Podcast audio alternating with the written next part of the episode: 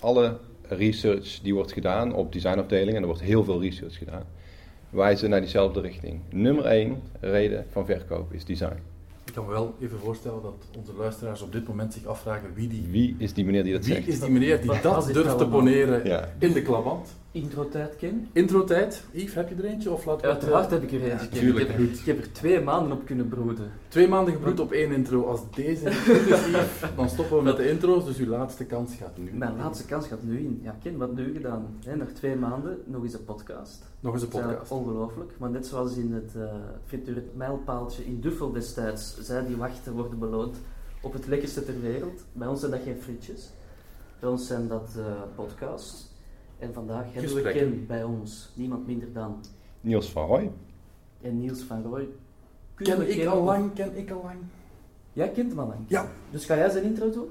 Oh, de intro was nog niet gedaan. Nee, nee, nee, nee, nee, nee, nee, nee, is gedaan. Nee, Nee, nee, nee. nee. Wel, ik ken ik al lang, ken ik al lang. In die zin, eh, ik heb Niels ooit online ontmoet, jaren geleden, omdat hij... een- Netlog. Netlog? Nee. Nee? Het, was gewoon, het was al de tijd van websites. Jaren geleden ontmoet, omdat hij ook toen al vrij breed bezig was met alles wat over design ging. Absoluut. En heeft toen voor Triver, denk ik al, eh, een paar gastbijdragers geschreven die heel interessant waren. En daar moest dus meer van komen. Was je toen al afgestudeerd? Of, eh, Toen eh, studeerde ik in Nederland op Design Academy in Eindhoven.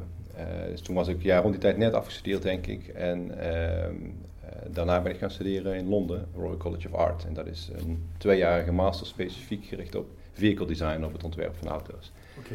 Dus, ehm, En die is ook toen- afgerond? Die is ook afgerond, ja, ja 2012. Want ik zag ergens dat je nu een soort van automotive masterclasses geeft. Ja, eh, die ook op, op YouTube be- bekijken vallen? Eh, ben Ehm, is dat voor een stukje? Ja. Dat is een, eh, ja, het is eigenlijk een, eh, een, een korte film over hoe we die masterclasses maken. We, we doen dat voor, ehm, voor verschillende bedrijven en instellingen, zelfs overheden. Ten Downing Street hebben we mogen spreken ook, dus heel erg bijzonder geweest. Maar waar het over gaat, is wat autodesign betekent in de notendop. En die masterclasses geven we bijvoorbeeld aan autobedrijven. We hebben de nieuwe BMW 7-serie geïntroduceerd. We zitten hier in een mooie BMW-dealer in, eh, in Breda. Nou, eh, ik heb eh, voor deze mensen de nieuwe 7-serie mogen introduceren aan hun, aan hun klanten. Eh, maar ik werk vooral veel voor importeurs eh, en, en dat soort bedrijven die dus met mij een onafhankelijke autodesigner inhuren. eh, om te vertellen over wat we nou eigenlijk zien. Dus het is geen reclamepraatje. Ik zeg ook altijd, ik kom hier niet om een auto te verkopen. Ik kom hier om het eerlijke verhaal, het echte verhaal over het design te vertellen. Ja. En hoe het werkt. En hoe gelaagd en complex het is om een auto te ontwerpen. En eh, dat is heel erg interessant voor mensen die in de autobranche zitten. Eh, dus eh, of het nou dealers zijn of importeurs. Maar ook zeker voor het bedrijfsleven. Want wat ik net al vertelde, design is verkoopreden nummer één wereldwijd. Ongeacht budget. Dat is, daarom is het interessant dat, dat we met iemand van jouw strekking kunnen praten, vind ik. We hadden, of we waren al lang op zoek naar een ontwerper of een designer Ja. om die kant van de zaak eens te belichten. Ja. Maar dan krijg je inderdaad altijd dat iemand al voor een merk werkt en natuurlijk daar de lijn bepaalt, maar ook sterk beïnvloed wordt van, van wat het huis ervan vindt. Mhm. Ondertussen is hij met heel toekomstige dingen bezig waar hij niet over mag praten Ja. en hebben we eigenlijk geen gesprek. Ja. Daar komt het eigenlijk op neer. Nou ja, in- dat, dat laatste stukje geldt voor mij natuurlijk ook. Ik mag ook niet gaan vertellen hier eh, waar ik nu mee bezig ben voor mijn Oh, huidige daar- klanten. Dus dan moeten we afronden. Oké, nou, dan fijn, eh, Nee, nee, nee, dat was gezellig. Nee, nee, nee. Een andere reden, dus niet alleen het stukje design, maar ook een andere reden. Je, je beperkt je niet alleen tot design, heb ik gemerkt. Want hoe elkaar nu dan hè, recent weer gekruist zijn, is omdat ik op eh Petrolicious, toch wel de bekende klassiekersite, Mhm. een boek van je zag plots. Ja. Ja, Hoe, hoe kwam dat dan? Of, want dat ging niet over nieuwe of toekomstige auto's, dat gaat over. over een klassieke auto, ja, een klassieke Fiat, de Dino. Een eh, heel speciale coupé uit de jaren 70. En die bestond eh 50 jaar. En om dat te vieren hebben wij een boek uitgebracht over die Fiat. En, hebben we, en daar komt een stukje autodesign weer kijken. Ik heb hem eh, het boek ontworpen, vormgegeven, vanuit ehm, het métier autodesigner. Dus de basis, hè, de Fiat Dino Coupé, was ehm, leidend voor de vormgeving, voor de materialen, voor de kleuren, eh, voor de wijze van het maken van de layout voor, van het boek. Ja, oké. En eh, die methodiek is heel typisch voor autodesign. Hè. Je hebt een bepaald DNA, normaal het merk-DNA. In dit geval was dat het specifieke DNA van die Fiat. Mhm. En dat gebruik je voor uitingen, auto's, die je aan het ontwerpen bent, aan het maken bent voor over x aantal jaar. Ja, maar je spreekt altijd van we. We, ja. Want het is Niels van Roy Design. Ja, Eh, hebben jullie een consultancybureau dan? Of, of, eh, ja, ja. eh, We, het is we inderdaad. Ik doe dingen niet alleen. Het is sowieso natuurlijk, als je een auto ontwerpt, doe je dat met, met minimaal, nou ja, als je voor een groot bedrijf werkt, de grote bekende merken, een paar honderd man minimaal, louter op design. Ehm, en nou ja, op het moment dat het, wij zijn ook bezig met coachbuilding, op het moment dat het dus kleiner wordt, dan is het met, ja, dan zit je met een heel compact team, maar je doet het altijd met een groep mensen, je doet het nooit alleen. Dit is iets dat mensen extreem onderschatten, design. Want eh, bijvoorbeeld waar je alle aspecten van de wagen kon bezien en ze hadden een donker tunneltje gemaakt, een romantisch donker tunneltje. Nu hebben we het over de presentatie. Ja, van Fiesta, presentatie van Fiesta. ja, waar je door moest wandelen en ze hadden dus, eh, je moest voelen aan de muur. En ze hadden Mhm. initieel allemaal natuurlijke producten, gras, vochtige schimmelplekken, wat dan ook. Ik weet dus niet wat het was. en zo kwam je uiteindelijk aan het materiaal dat gebruikt werd in de wagen en ook de panelen buiten, wat dan ook. Ehm, en de algemene indruk van iedereen die ter plaatse was, waar zijn wij nu mee bezig? Wat is dit eigenlijk? Maar ik kan me inbeelden dat voor een designer al die moodboards en al die materialen toch enorm belangrijk zijn. Maar dat wij er als mens gewoon over kijken. Omdat we zoiets hebben van, ja kijk, het is een auto, iedereen kan dat maken. Ehm, nou ja, ik kan natuurlijk niet kijken met de bril van iemand anders, eh, behalve met die van mezelf. En dat is die van de autodesigner. Eh, maar dat wat ontzettend van belang is, is dat het verhaal, de narrative, over het merk klopt. Dus dat die auto doet wat hij zegt dat hij doet. Of eh, dus dat het design het verhaal vertaalt eh, van de essentie van het merk in materialen. Dus dat is eh, niet alleen in vorm, maar ook in, in materialen, in het interieur, in het exterieur, de proporties van de auto, de stance, de wijze waarop je op zijn pootjes staat. En autodesigners bekijken auto's eigenlijk in drie stappen. De eerste is ongeveer 10 meter afstand. Net als mens en machine, hè, zie je dan, eh, denk aan een, eh, een, een vrouw van 10 meter afstand. Eh, zelfs met tegenlicht zie je dat dat een vrouw is. Dat zie je aan het louter de proporties. De contouren. De contouren, Ja. precies. En je kunt dan zelfs al inschatten ongeveer hoe oud die vrouw is. Puur en louter door de proporties, door de Dat is Een heel handige analogie voor onze luisteraars. de vrouw, dit komt goed. Precies. Ja, verder. Je zag ze van op 10 meter en toen ging je... 10 meter afstand, proporties. Nou, het, proportionele statement definieert het karakter van mens en van machine. Nou, als we dan een stapje dichterbij komen, dan zien we de surfacing, de huid van de auto.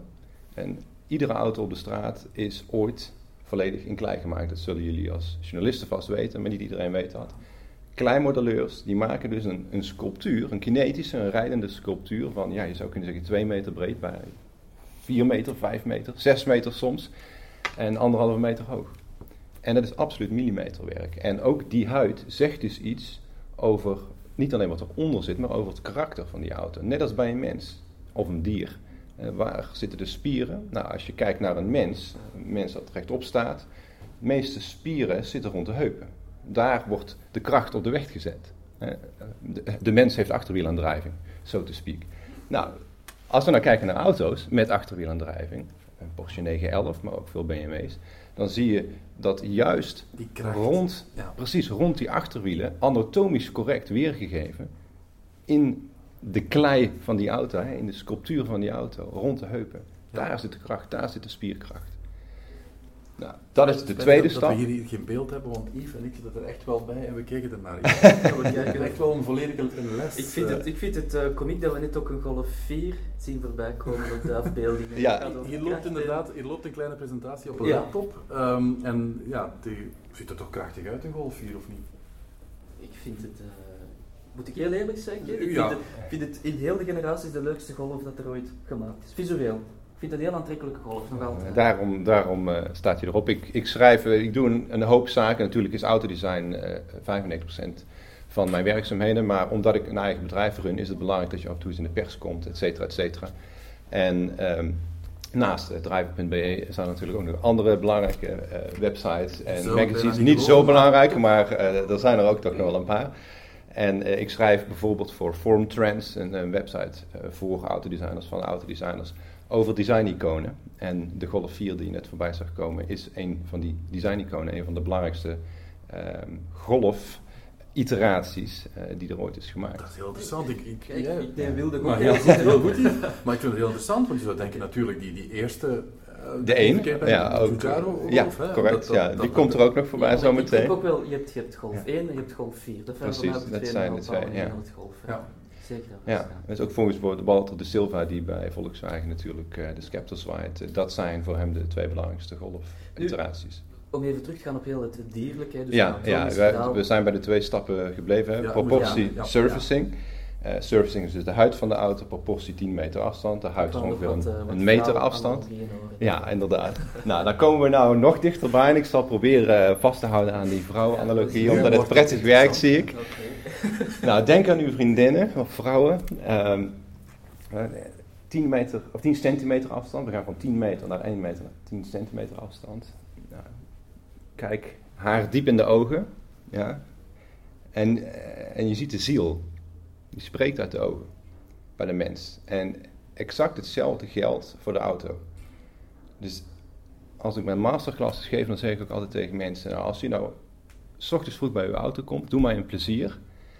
Ga heel even op uw knieën zitten en kijk diep in de ogen van uw auto. Uw buurman denkt dat u gek bent geworden, maar u moet Ik wou het toch zeggen. even doen. U moet het toch even Mijn doen. verhaal is er nu al voor zot, als ik bepaalde dingen bekijk bij thuis op de inrit, maar dan wordt het echt, eh, ja. toch even doen. Want Stel je je, voor dat je buurman een Fiat Multipla dat doet. die heeft heel logisch om naar te kijken. Ja. Heel veel om naar te Misschien kijken. is dit wel het uitgelezen moment om eens heel kort over die, die Multipla te gaan. En nu ben ik eens benieuwd naar de mening Multipla 1, hè? dus Ja, ja. de pre-facelift, de echte Ja, ja, Multipla. echte. Ja, ja. Trouwens, van de man die daarna BMW's is gaan ontwerpen, of vergis ik mij? Wie heeft Multipla 1 gedaan? Hij zit nog steeds bij eh Gilito, bij eh, Ah, Fiat. Ja. klopt. Ja, oké. Ehm, maar goed, we willen graag van jou horen. Een Ik, Multipla. ik vind het fantastisch. Ja. Ik ook. Ja, als die, ehm, ik heb in Londen natuurlijk maar een beperkte plek, zoals dat is eh, met de meeste mensen in Londen. Maar eh, als ik ooit mijn eh, mooie privégarage ga aanleggen, dan komt er een mooie multiplein te staan ook. Het probleem En- wordt, vind er maar eens eentje in een goede staat. Ja, Ja, Ze zijn ja. nauwelijks- Nou, maar hij hoeft er ook alleen maar te staan, hè? hij hoeft er niet te rijden. Dus dat We is hebben- al een probleem uit de We hebben wereld. in België een staan, een, ik denk een blauwe met, met 700 miljoen jaar, 1000 kilometers erop. Ehm, met van achter op de, de koffer, ik denk dat ze met een bijl ingeslagen hebben, wat dat aan zich kunst. Hè, dat is kunst op zich. Er Ah. de pijl er nog in? Of? Net niet, maar het is ongelooflijk knap en ze vragen 900 euro onderhandelbaar. En eigenlijk denk ik elke keer als ik hem voorbij zie komen, ik moet hem gewoon op de kop tikken. Dat is Ja. zo geweldig ding. Want oké, hè, laten we eerlijk zijn, die multipla is verguisd door Ja. het merendeel van de, van de toeschouwers. Ehm, en Geheel onterecht. Ja. Dat zeg ik er meteen bij en ik laat je niet eens uitspreken. Geheel onterecht. Full stop. Toch is fijn dat we Nederlander hebben. natuurlijk. Ja. Een beetje, een beetje weerwerk in de podcast, altijd heel goed. Ehm, maar aan de andere kant, we hebben het over narrative. Ik vind dat Ja. met het woord narrative kom je al vrij kort bij marketing voor een stukje. Hè, want die hebben natuurlijk heel graag een narrative, als we een mooi verhaal hebben. Mhm. En dan vraag ik me af, moet echt el- elk merk voor elke auto een narrative? Is dat echt nodig dat er voor elke auto een narrative... Een Dacia, moet die een narrative hebben? Absoluut. En die hebben ze ook. Maar wat, waar wel eens de, de, de, we zeggen, de fout wordt gemaakt, of vanuit de autofabrikant, die zijn zeker niet foutloos, of vanuit de toeschouwer. Dus dat zaken niet worden begrepen. Die narrative is gewoon het eerlijke verhaal. Is geen ehm, wollig geheel over allerlei fraaie toestanden. En we zijn allemaal 20 jaar oud en we gaan allemaal op vakantie naar et cetera, et cetera, Zuid-Spanje. En we hebben geld genoeg, ondanks dat we 20 jaar oud zijn, om een auto van 50.000 euro te kopen. Nou, dat is niet een narrative. Dat is gewoon, eh, ja... eh, Gebakken lucht. Gebakken lucht. Een narrative is gewoon het eerlijke verhaal. Wie zijn we? Waar staan wij voor? Hoe zien wij de auto als zijnde merk? Hoe zien wij de auto in de wereld van nu functioneren? Waar staan wij nu en waar gaan wij over vijf jaar, tien jaar, vijftien jaar naartoe? Hoe reageren wij op omstandigheden in de wereld? Op het feit dat mensen steeds ouder worden? Op het feit dat mensen wereldwijd naar steden gaan? Op het feit dat ehm, in alle grote steden in de wereld bijna fulltime congestion is. Dus in de zin van gridlock. In Londen, als ik Want daar werken De- en wonen nu toch, hè? Precies, Ja. ik, ik woon en werk in Londen al een, een jaar of acht nou. Bevalt heel goed, maar ik heb geen auto in Londen. Als autodesigner. Dus ik ben de ultieme auto-nerd zou je kunnen zeggen. Ik heb geen auto. Waarom? Omdat het geen zin heeft. Ik ga overal naartoe met het openbaar vervoer en als ik Londen uit moet, dan huur ik een auto. Ja. Het heeft geen zin. In hoeverre, Als ik- in hoeverre beïnvloedt dat jouw Nou, werkwijze, jouw denken? jouw- Eh, Dan is dus die narrative waar ik het over heb. Je moet dus als autofabrikant begrijpen voor wie jij werkt. Waarom willen mensen geen auto's rijden, geen auto's kopen die in de stad wonen? Omdat het alleen maar geld kost. Omdat het ding alleen maar stilstaat vijf dagen per week. En je misschien is in het weekend dat ding buiten Londen ergens mee naartoe neemt. Boodschappen doe je met het openbaar vervoer. Of je loopt naar de supermarkt om de hoek. Dus voor wie maak jij auto's? Wat is het verhaal? Mhm. En dat is geen onzinverhaal, dat is het echte verhaal. Voor, de- voor echte mensen die in de echte wereld wonen, die ehm, hè, hun leven leiden zoals ze het leiden. En nou, dat narrative eh, verhaal hebben we bijvoorbeeld voor de nieuwe Londense taxi, waar ik aan heb mogen werken, ook exact zo gedaan. Voor wie is dit?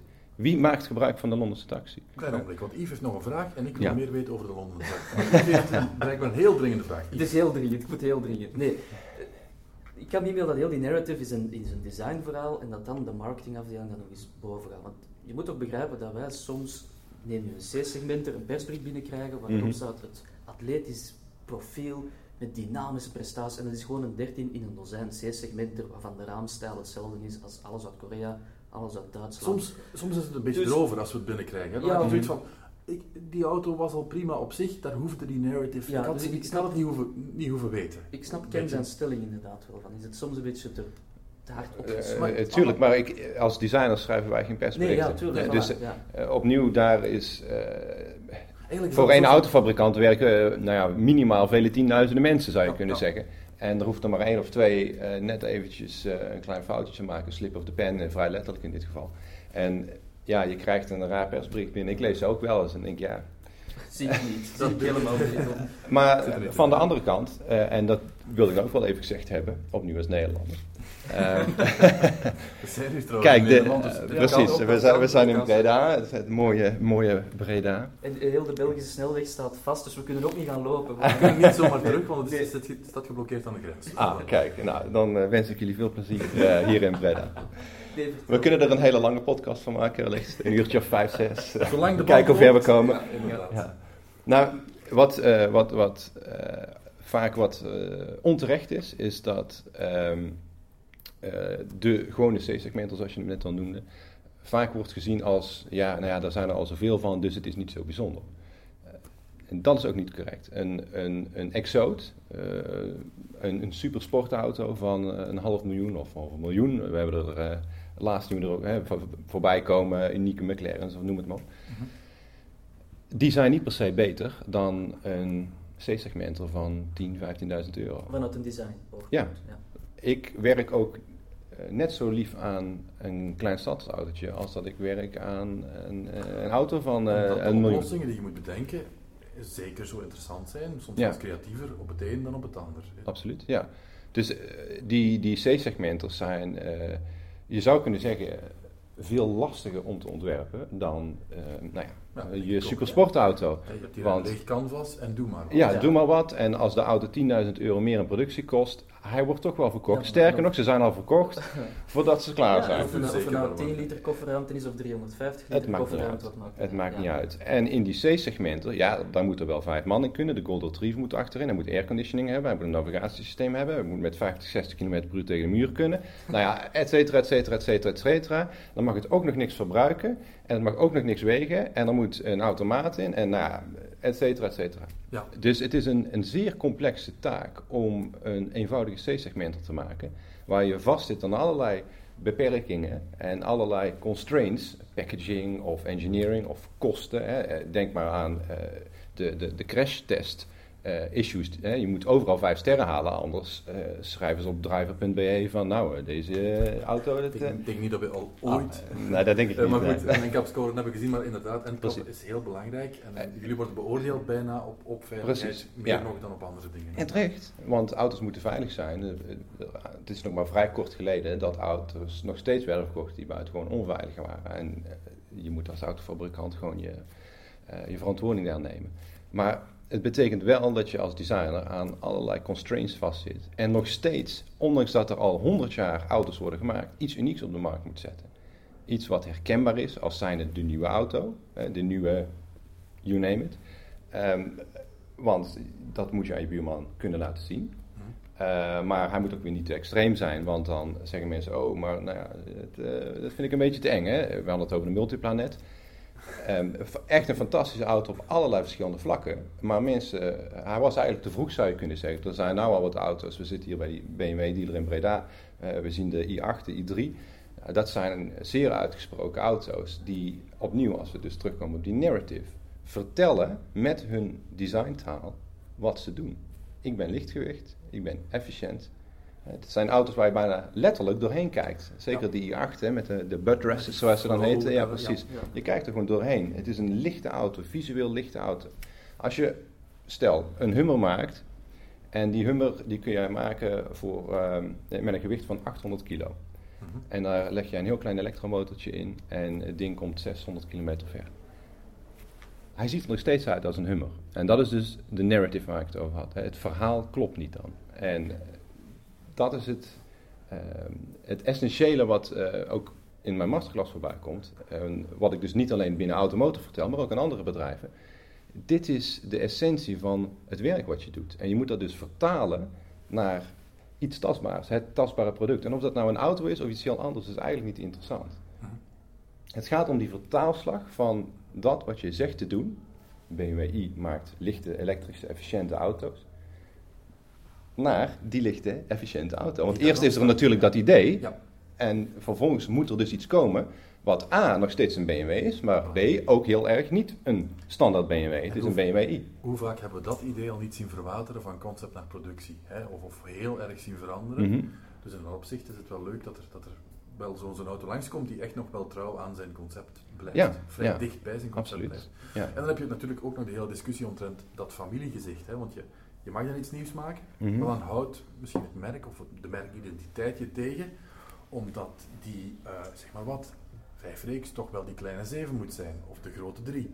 Hoe sta je daar tegenover? tegenover we hebben een, een periode gehad, denk ik, eh, nu, het is nu wat beter, maar een periode gehad waarbij die familiegezichten zo erg werden, Mhm. dat je echt naar de badge moest gaan kijken om te zien, is dit Ja. een A3, een A4, een A5? Ja. Eh, hoe, sta je daar tegen, hoe sta je daar tegenover? Ehm, ook dat is onderdeel van je strategie, van je merkstrategie. Hè. Eh, het is belangrijk om een, zoals autodesigners dat noemen, een, een, een duidelijke down-the-road graphic te hebben. Dus dat is eh, recht van voren de neus, de grill, de koplampen, de graphic down the road.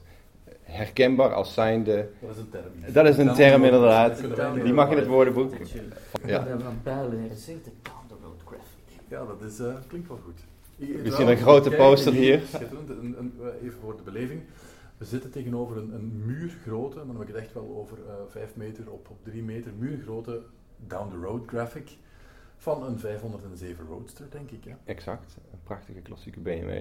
Ja. En ehm, onmiddellijk als dusdanig herkenbaar.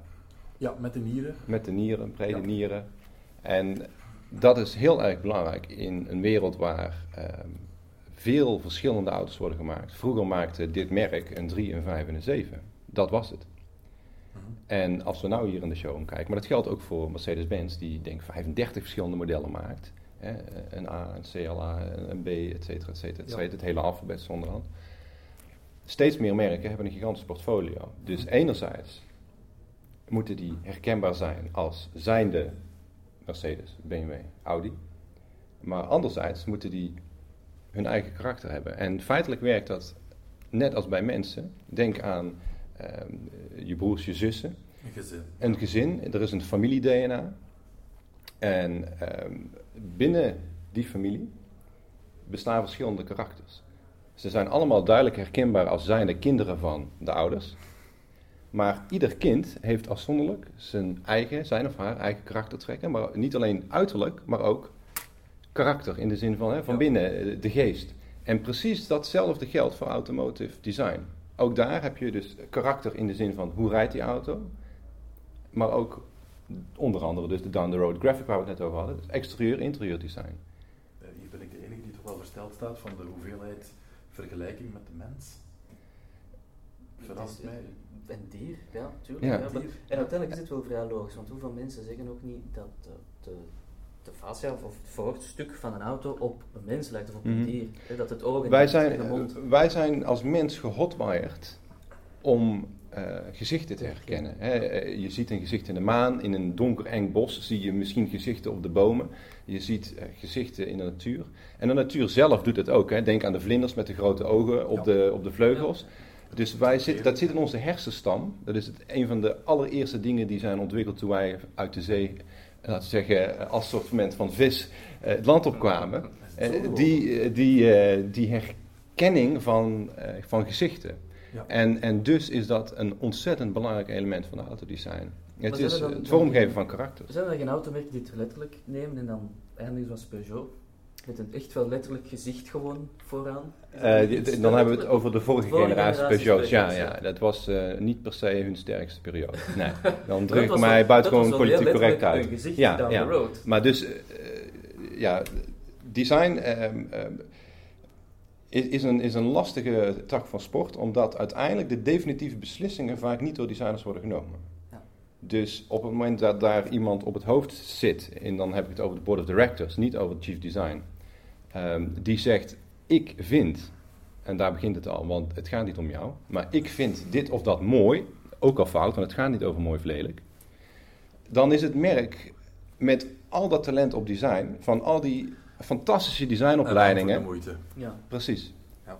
En uh, het is dus de taak van de chief designer of van uh, leading designers om die board of directors duidelijk te maken. Gemotiveerd overtuigen Precies. dat, dat dat de way to go nou, is. En, en een van de mensen die daar heel erg bekend om stond, uh, was bijvoorbeeld Chris Bangle. Die kon heel goed praten over waarom die belangrijke shift voor BMW nodig was. En nou, we hadden het net over mijn privémuseum. daar komt ook een zeven serie van Bengal in. Ja. En, en wel van voor de facelift. Is trouwens de, heel de Bengal-reeks, is dat de reeks, de Bengal-reeks, is dat het perfecte voorbeeld dat de gewone mens in de straat geen clue heeft van design, geen besef heeft en dat het pas met de jaren het verstand komt van eigenlijk was dit zo slecht niet. Eh, dat is misschien wat radicaal, uh, die stelling, maar um, wat, wat belangrijk is, is um, wat hij heeft gedaan, niet alleen voor BMW, maar voor de volledige automotive industrie, is laten zien dat um, mooie auto's tussen aanhalingstekens niet genoeg is. BMW maakte mooie auto's, de 7-serie uit de E38-reeks. Prachtig elegant en uh, heel erg fraai van binnen en uh, reden goed, et cetera, et cetera. Zet er een 5-serie naast uit, uit dezelfde periode of een 3-serie. We hadden het er in het begin over, ja, is dit nou een 3 of een 5 of een 5 of een 7? Dat is een ontzettend groot probleem. Want het betekent dat die auto's niet genoeg individueel karakter hebben. Het zijn alle drie fraaie auto's, de 3, de 5 en de 7 uit die periode, zijn alle drie fraai vormgegeven auto's. Goed in balans, mooie stands, goede proporties, et cetera, et cetera. Maar te weinig individueel karakter. Het zijn, ja, je zou kunnen zeggen, allemaal één eigen tweelingen als we over dat familie-DNA spreken. Mhm. En het is juist van belang als je zo'n groot portfolio hebt, want eh, eh, al die merken tegenwoordig hebben een groot portfolio, dat helder is over welk model we het hebben. Dat het karakter meer is dan een, een, een grill die wat hoger of wat dieper of wat breder is. Dat het veel meer is dan... Het mag geen kleine dit of een groot precies, glas zijn. Het precies. moet een model op zich zijn, maar toch passen binnen een familie. Binnen, binnen, binnen het familie, ja. Is na de, na de Bengal-periode terug een, een stille dood gestorven?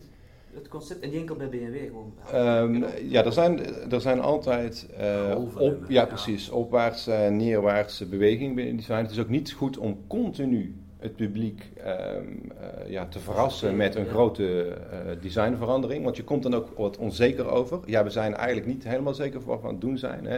Er zijn automerken te noemen die bijna bij ieder merk, en iedere modelwisseling natuurlijk, een andere stijl hebben. Uh, en, en als de auto's naast elkaar staan, de grotere of de kleinere auto's, dan is het ja, een grote chaos. Dat heb ik soms wel. Ik heb het uh, geschreven, denk ik, voor, um, voor Suzuki.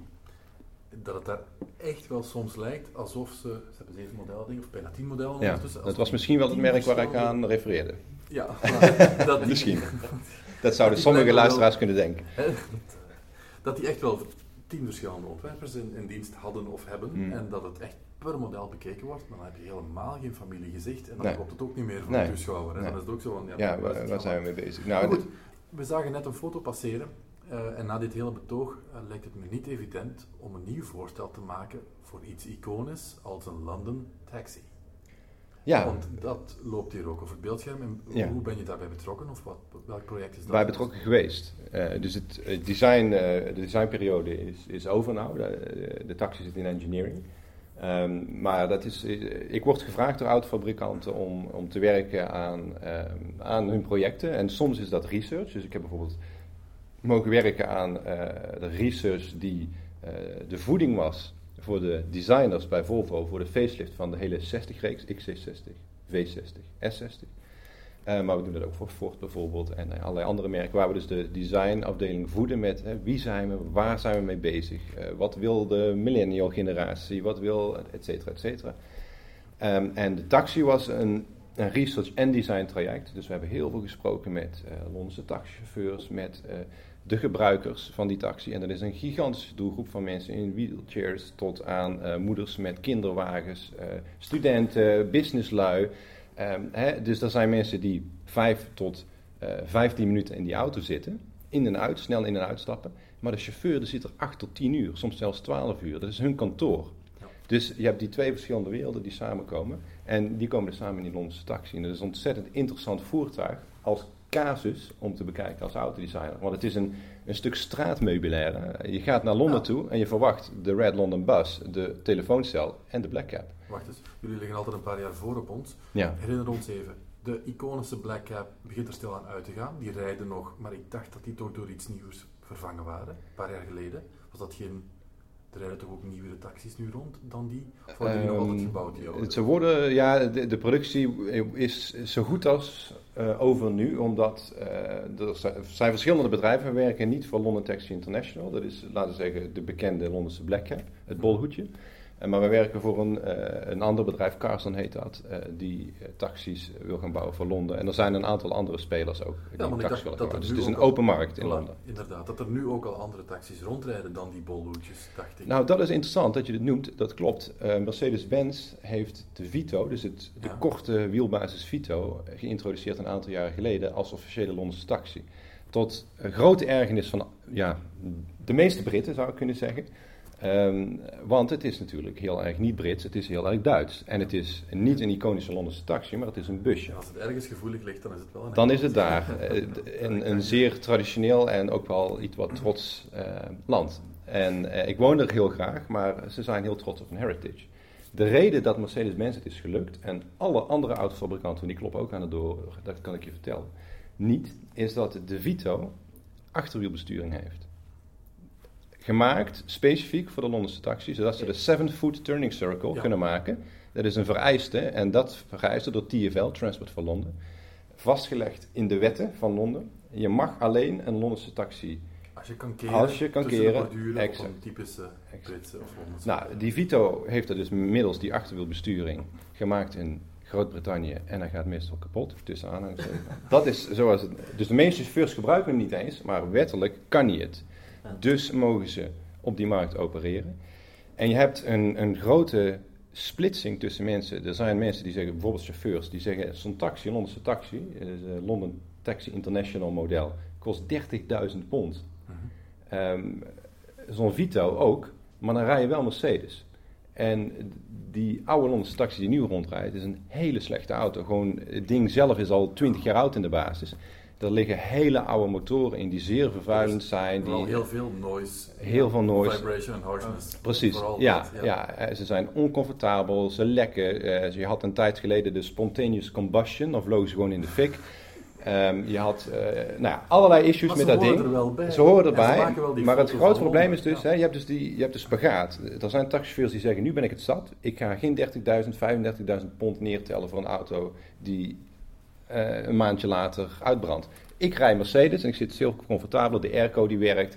Als het warm is buiten, dan verbranden mijn voeten niet door de warme motorhitte die binnenkomt. Nou, eh, ik heb de meest extreme verhalen gehoord van schoenenzolen die aan het smelten waren in de taxi. Aan toe. Dus nou ja, je kunt je voorstellen, dat soort research trajecten zijn buitengewoon interessant. En dat nemen we mee, dat soort informatie. Want er zijn ook passagiers die zeggen, I'll actively avoid the damn Vito taxi. Dus je staat daar in de regen in Londen te wachten op een taxi. Je ziet het okerlampje van de Vito komen en je denkt, ik laat hem gaan. Want ik ben Brit en ik rijd Brits. Ja. Dus dat is, daar kun je van vinden wat je vindt. Je kunt zeggen, het zijn idioten of eh, ze hebben gelijk. Dat doet er niet toe. Dat is wat Wat speelt? wat speelt. En daar moet je dus als designer mee bezig zijn. Maar je kunt ook niet een ja, soort van copy-paste gaan toepassen van dat wat er nu is. Ja, je moet zien, die stad gaat vooruit, wil vooruit. Londen is all about innovation.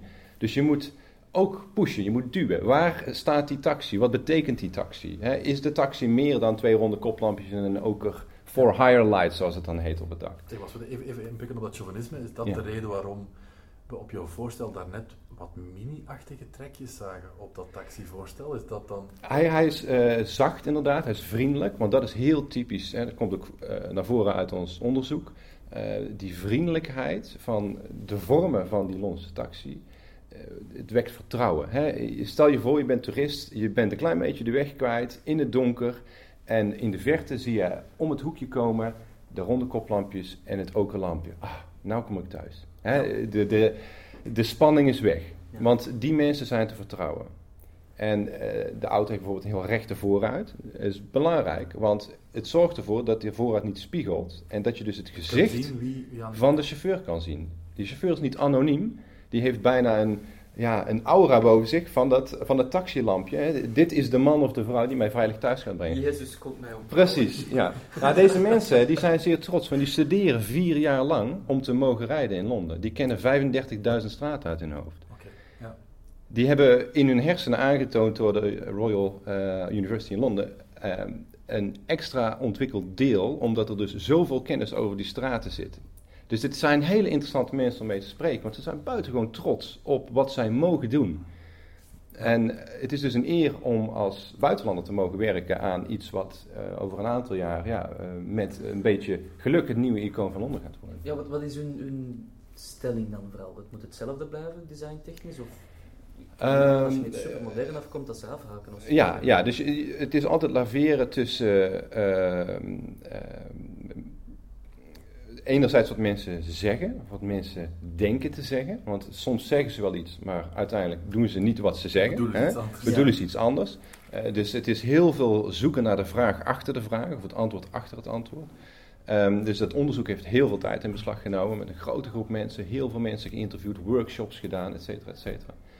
En al die informatie ehm, is heel rijk en, en voedt uiteindelijk het, het design van, eh, van de auto, van de taxi in dit geval. Ja, maar jullie hebben het design nu, dus het voorstel is gefinaliseerd, hè, wat jullie Ja, ja. aangebracht hebben. Ja. En dat betekent ook dat er dus ook weer nieuwe taxis gaan verschijnen over x aantal jaar. Ja. En die gaan er, als we dit tenminste wat bekijken, beduidend moderner uitzien dan alles Tuurlijk. wat we tot nu toe gekend hebben. Tuurlijk, ja. Want jullie moeten ook voor een stuk de weg naar de toekomst wijzen, net zoals een Bengal Absoluut, ooit de weg absoluut. wees. Inderdaad. Van, kijk, dit kan een ander soort idee Ja. zijn. Wil je dat ook met een icoon als een Londense taxi gaan doen? Dat is heel erg van belang. Want op het moment dat je retro eh, perspectief eh, als designer gaat forceren op een object, het enige wat je dan gaat doen is achter de feiten aanlopen. Zo was het, dus laten we het maar zo houden. En de essentie van de Londense taxi is geen ehm, zwarte auto met ronde koplampen. Want ehm, hier hebben we die zwarte BMW met ronde Met koplampen. ja. En eh, dat is geen Londense taxi. Zelf niet als je er een oker lampje op het dak stopt. Dus er zit een, een, een veel diepere onderliggende betekenis aan wat nou echt de essentie is van die Londense taxi. En die hebben we met het ontwerp eh, proberen te grijpen. Maar dat geldt voor al het werk wat we doen. Ik, werk nou aan coachbuilding. Dus het met de hand maken van auto's op basis van bestaande chassis. En ook daar is het, eh, het grijpen van de essentie van eh, soms wat, wat de, de, de man of vrouw in kwestie wil, eh, zijn of haar leven. Het kunnen auto's zijn die heel erg specifiek worden gemaakt voor één persoon, zodat ook maar één persoon mooi te vinden of, of, of van te houden uiteindelijk. Wordt een heel ja, persoonlijk object. En ook daar is het, het, het zoeken naar de essentie. En is dat is de vraag achter de vraag. Enorm terug in de actualiteit, denk ik, hè, coachbuilding. Absoluut. Hè? We hebben het 100 jaar geleden was het natuurlijk de normaalste zaak van de wereld. Ja. En nu is het heel erg terug. Maar ik denk dat we daar bijna een aparte podcast aan zouden kunnen wijden, aan, eh, aan coachbuilding. Yves, heb jij nog iets? Want ik heb nog één heel erg prangende vraag. Ken, als het prangend is, moet je het doen. Dan moeten we het doen. Als het prangend is, moet je het doen, Ken. Niels, wat heb jij met TVR? Wat heb ik met TVR? Ehm, ik vind het een heel interessant merk. Eh, er zijn maar weinig merken en of het nou wel of niet, al dan niet, nog wel of nog niet in leven is, eh, dat is eh, opnieuw bij Britten altijd een beetje de vraag.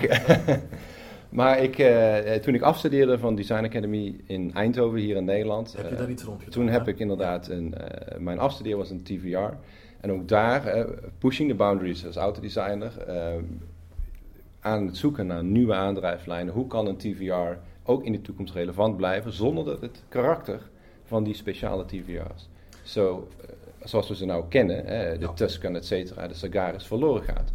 Eh, Dus hè, het merk moet relevant blijven. En dat is een, een, een, een vraag die eigenlijk voor alle merken nu nog steeds geldt. Hè. Waar gaan wij naartoe als verbrandingsmotoren niet meer gemaakt mogen worden? TVR staat op het punt om een, nieuw model of, of een herwerkmodel, dat weten we nog niet helemaal, Nee. te introduceren. Ik denk zelfs eh, dat er sprake is van eind 2017 om al iets te tonen. Mhm. Maar wat ik uit jouw woorden begrijp is dat dat misschien toch niet die toekomstvisie wordt die jij vindt die TVR verdient.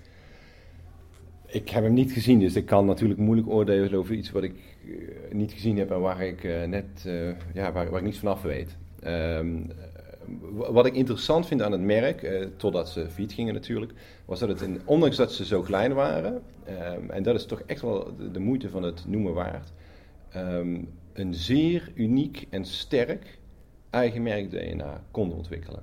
En Zowel esthetisch als met hun motoren ook. hè. maar dat is merk-DNA. Dat is niet of esthetisch of dit of dat. Het is het geheel. Het is een holistisch overzicht van wie jij bent als merk.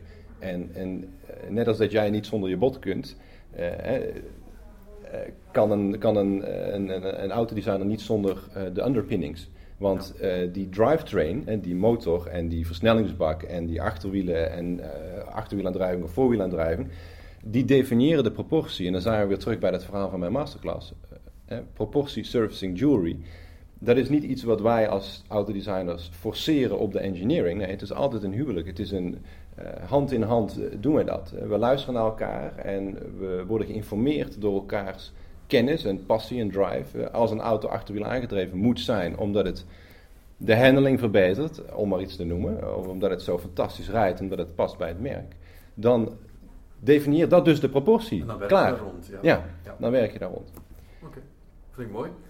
Yves, volgende keer dat wij in eh, Londen zijn, kijken we uit naar die, wie weet, wel de taxi van De die Londense die taxi. Ja, we Ja. moeten niet hopen dat Niels ons komt oppikken en alles. Dat Ja, dus- want binnenkort gaan de grenzen ook dicht. En dan Ja, precies, we doen een, afgesloten, ja. zien we hem nooit meer terug, dus we waren heel blij dat hij voor ons nog een gesprek gedaan heeft. Dankjewel. Graag we gedaan. houden jouw werk in de gaten. We hebben zelfs artwork zien passeren op Petrolicious, dacht ik. Ook Dus dat, ja, kan een ja. stukje Niels van Roy precies. in huis halen Ja, tegenwoordig. absoluut. Ja. Dus dat eh, met alle plezier, dankjewel. En goede terugtocht gewenst per boot of hoe het ook gaat gebeuren. Ik ga vliegen. Je gaat vliegen, Ik ga moet ook vliegen, kunnen. ja. En eh, dankjewel voor dit. Merci, hartelijk dank. Graag gedaan.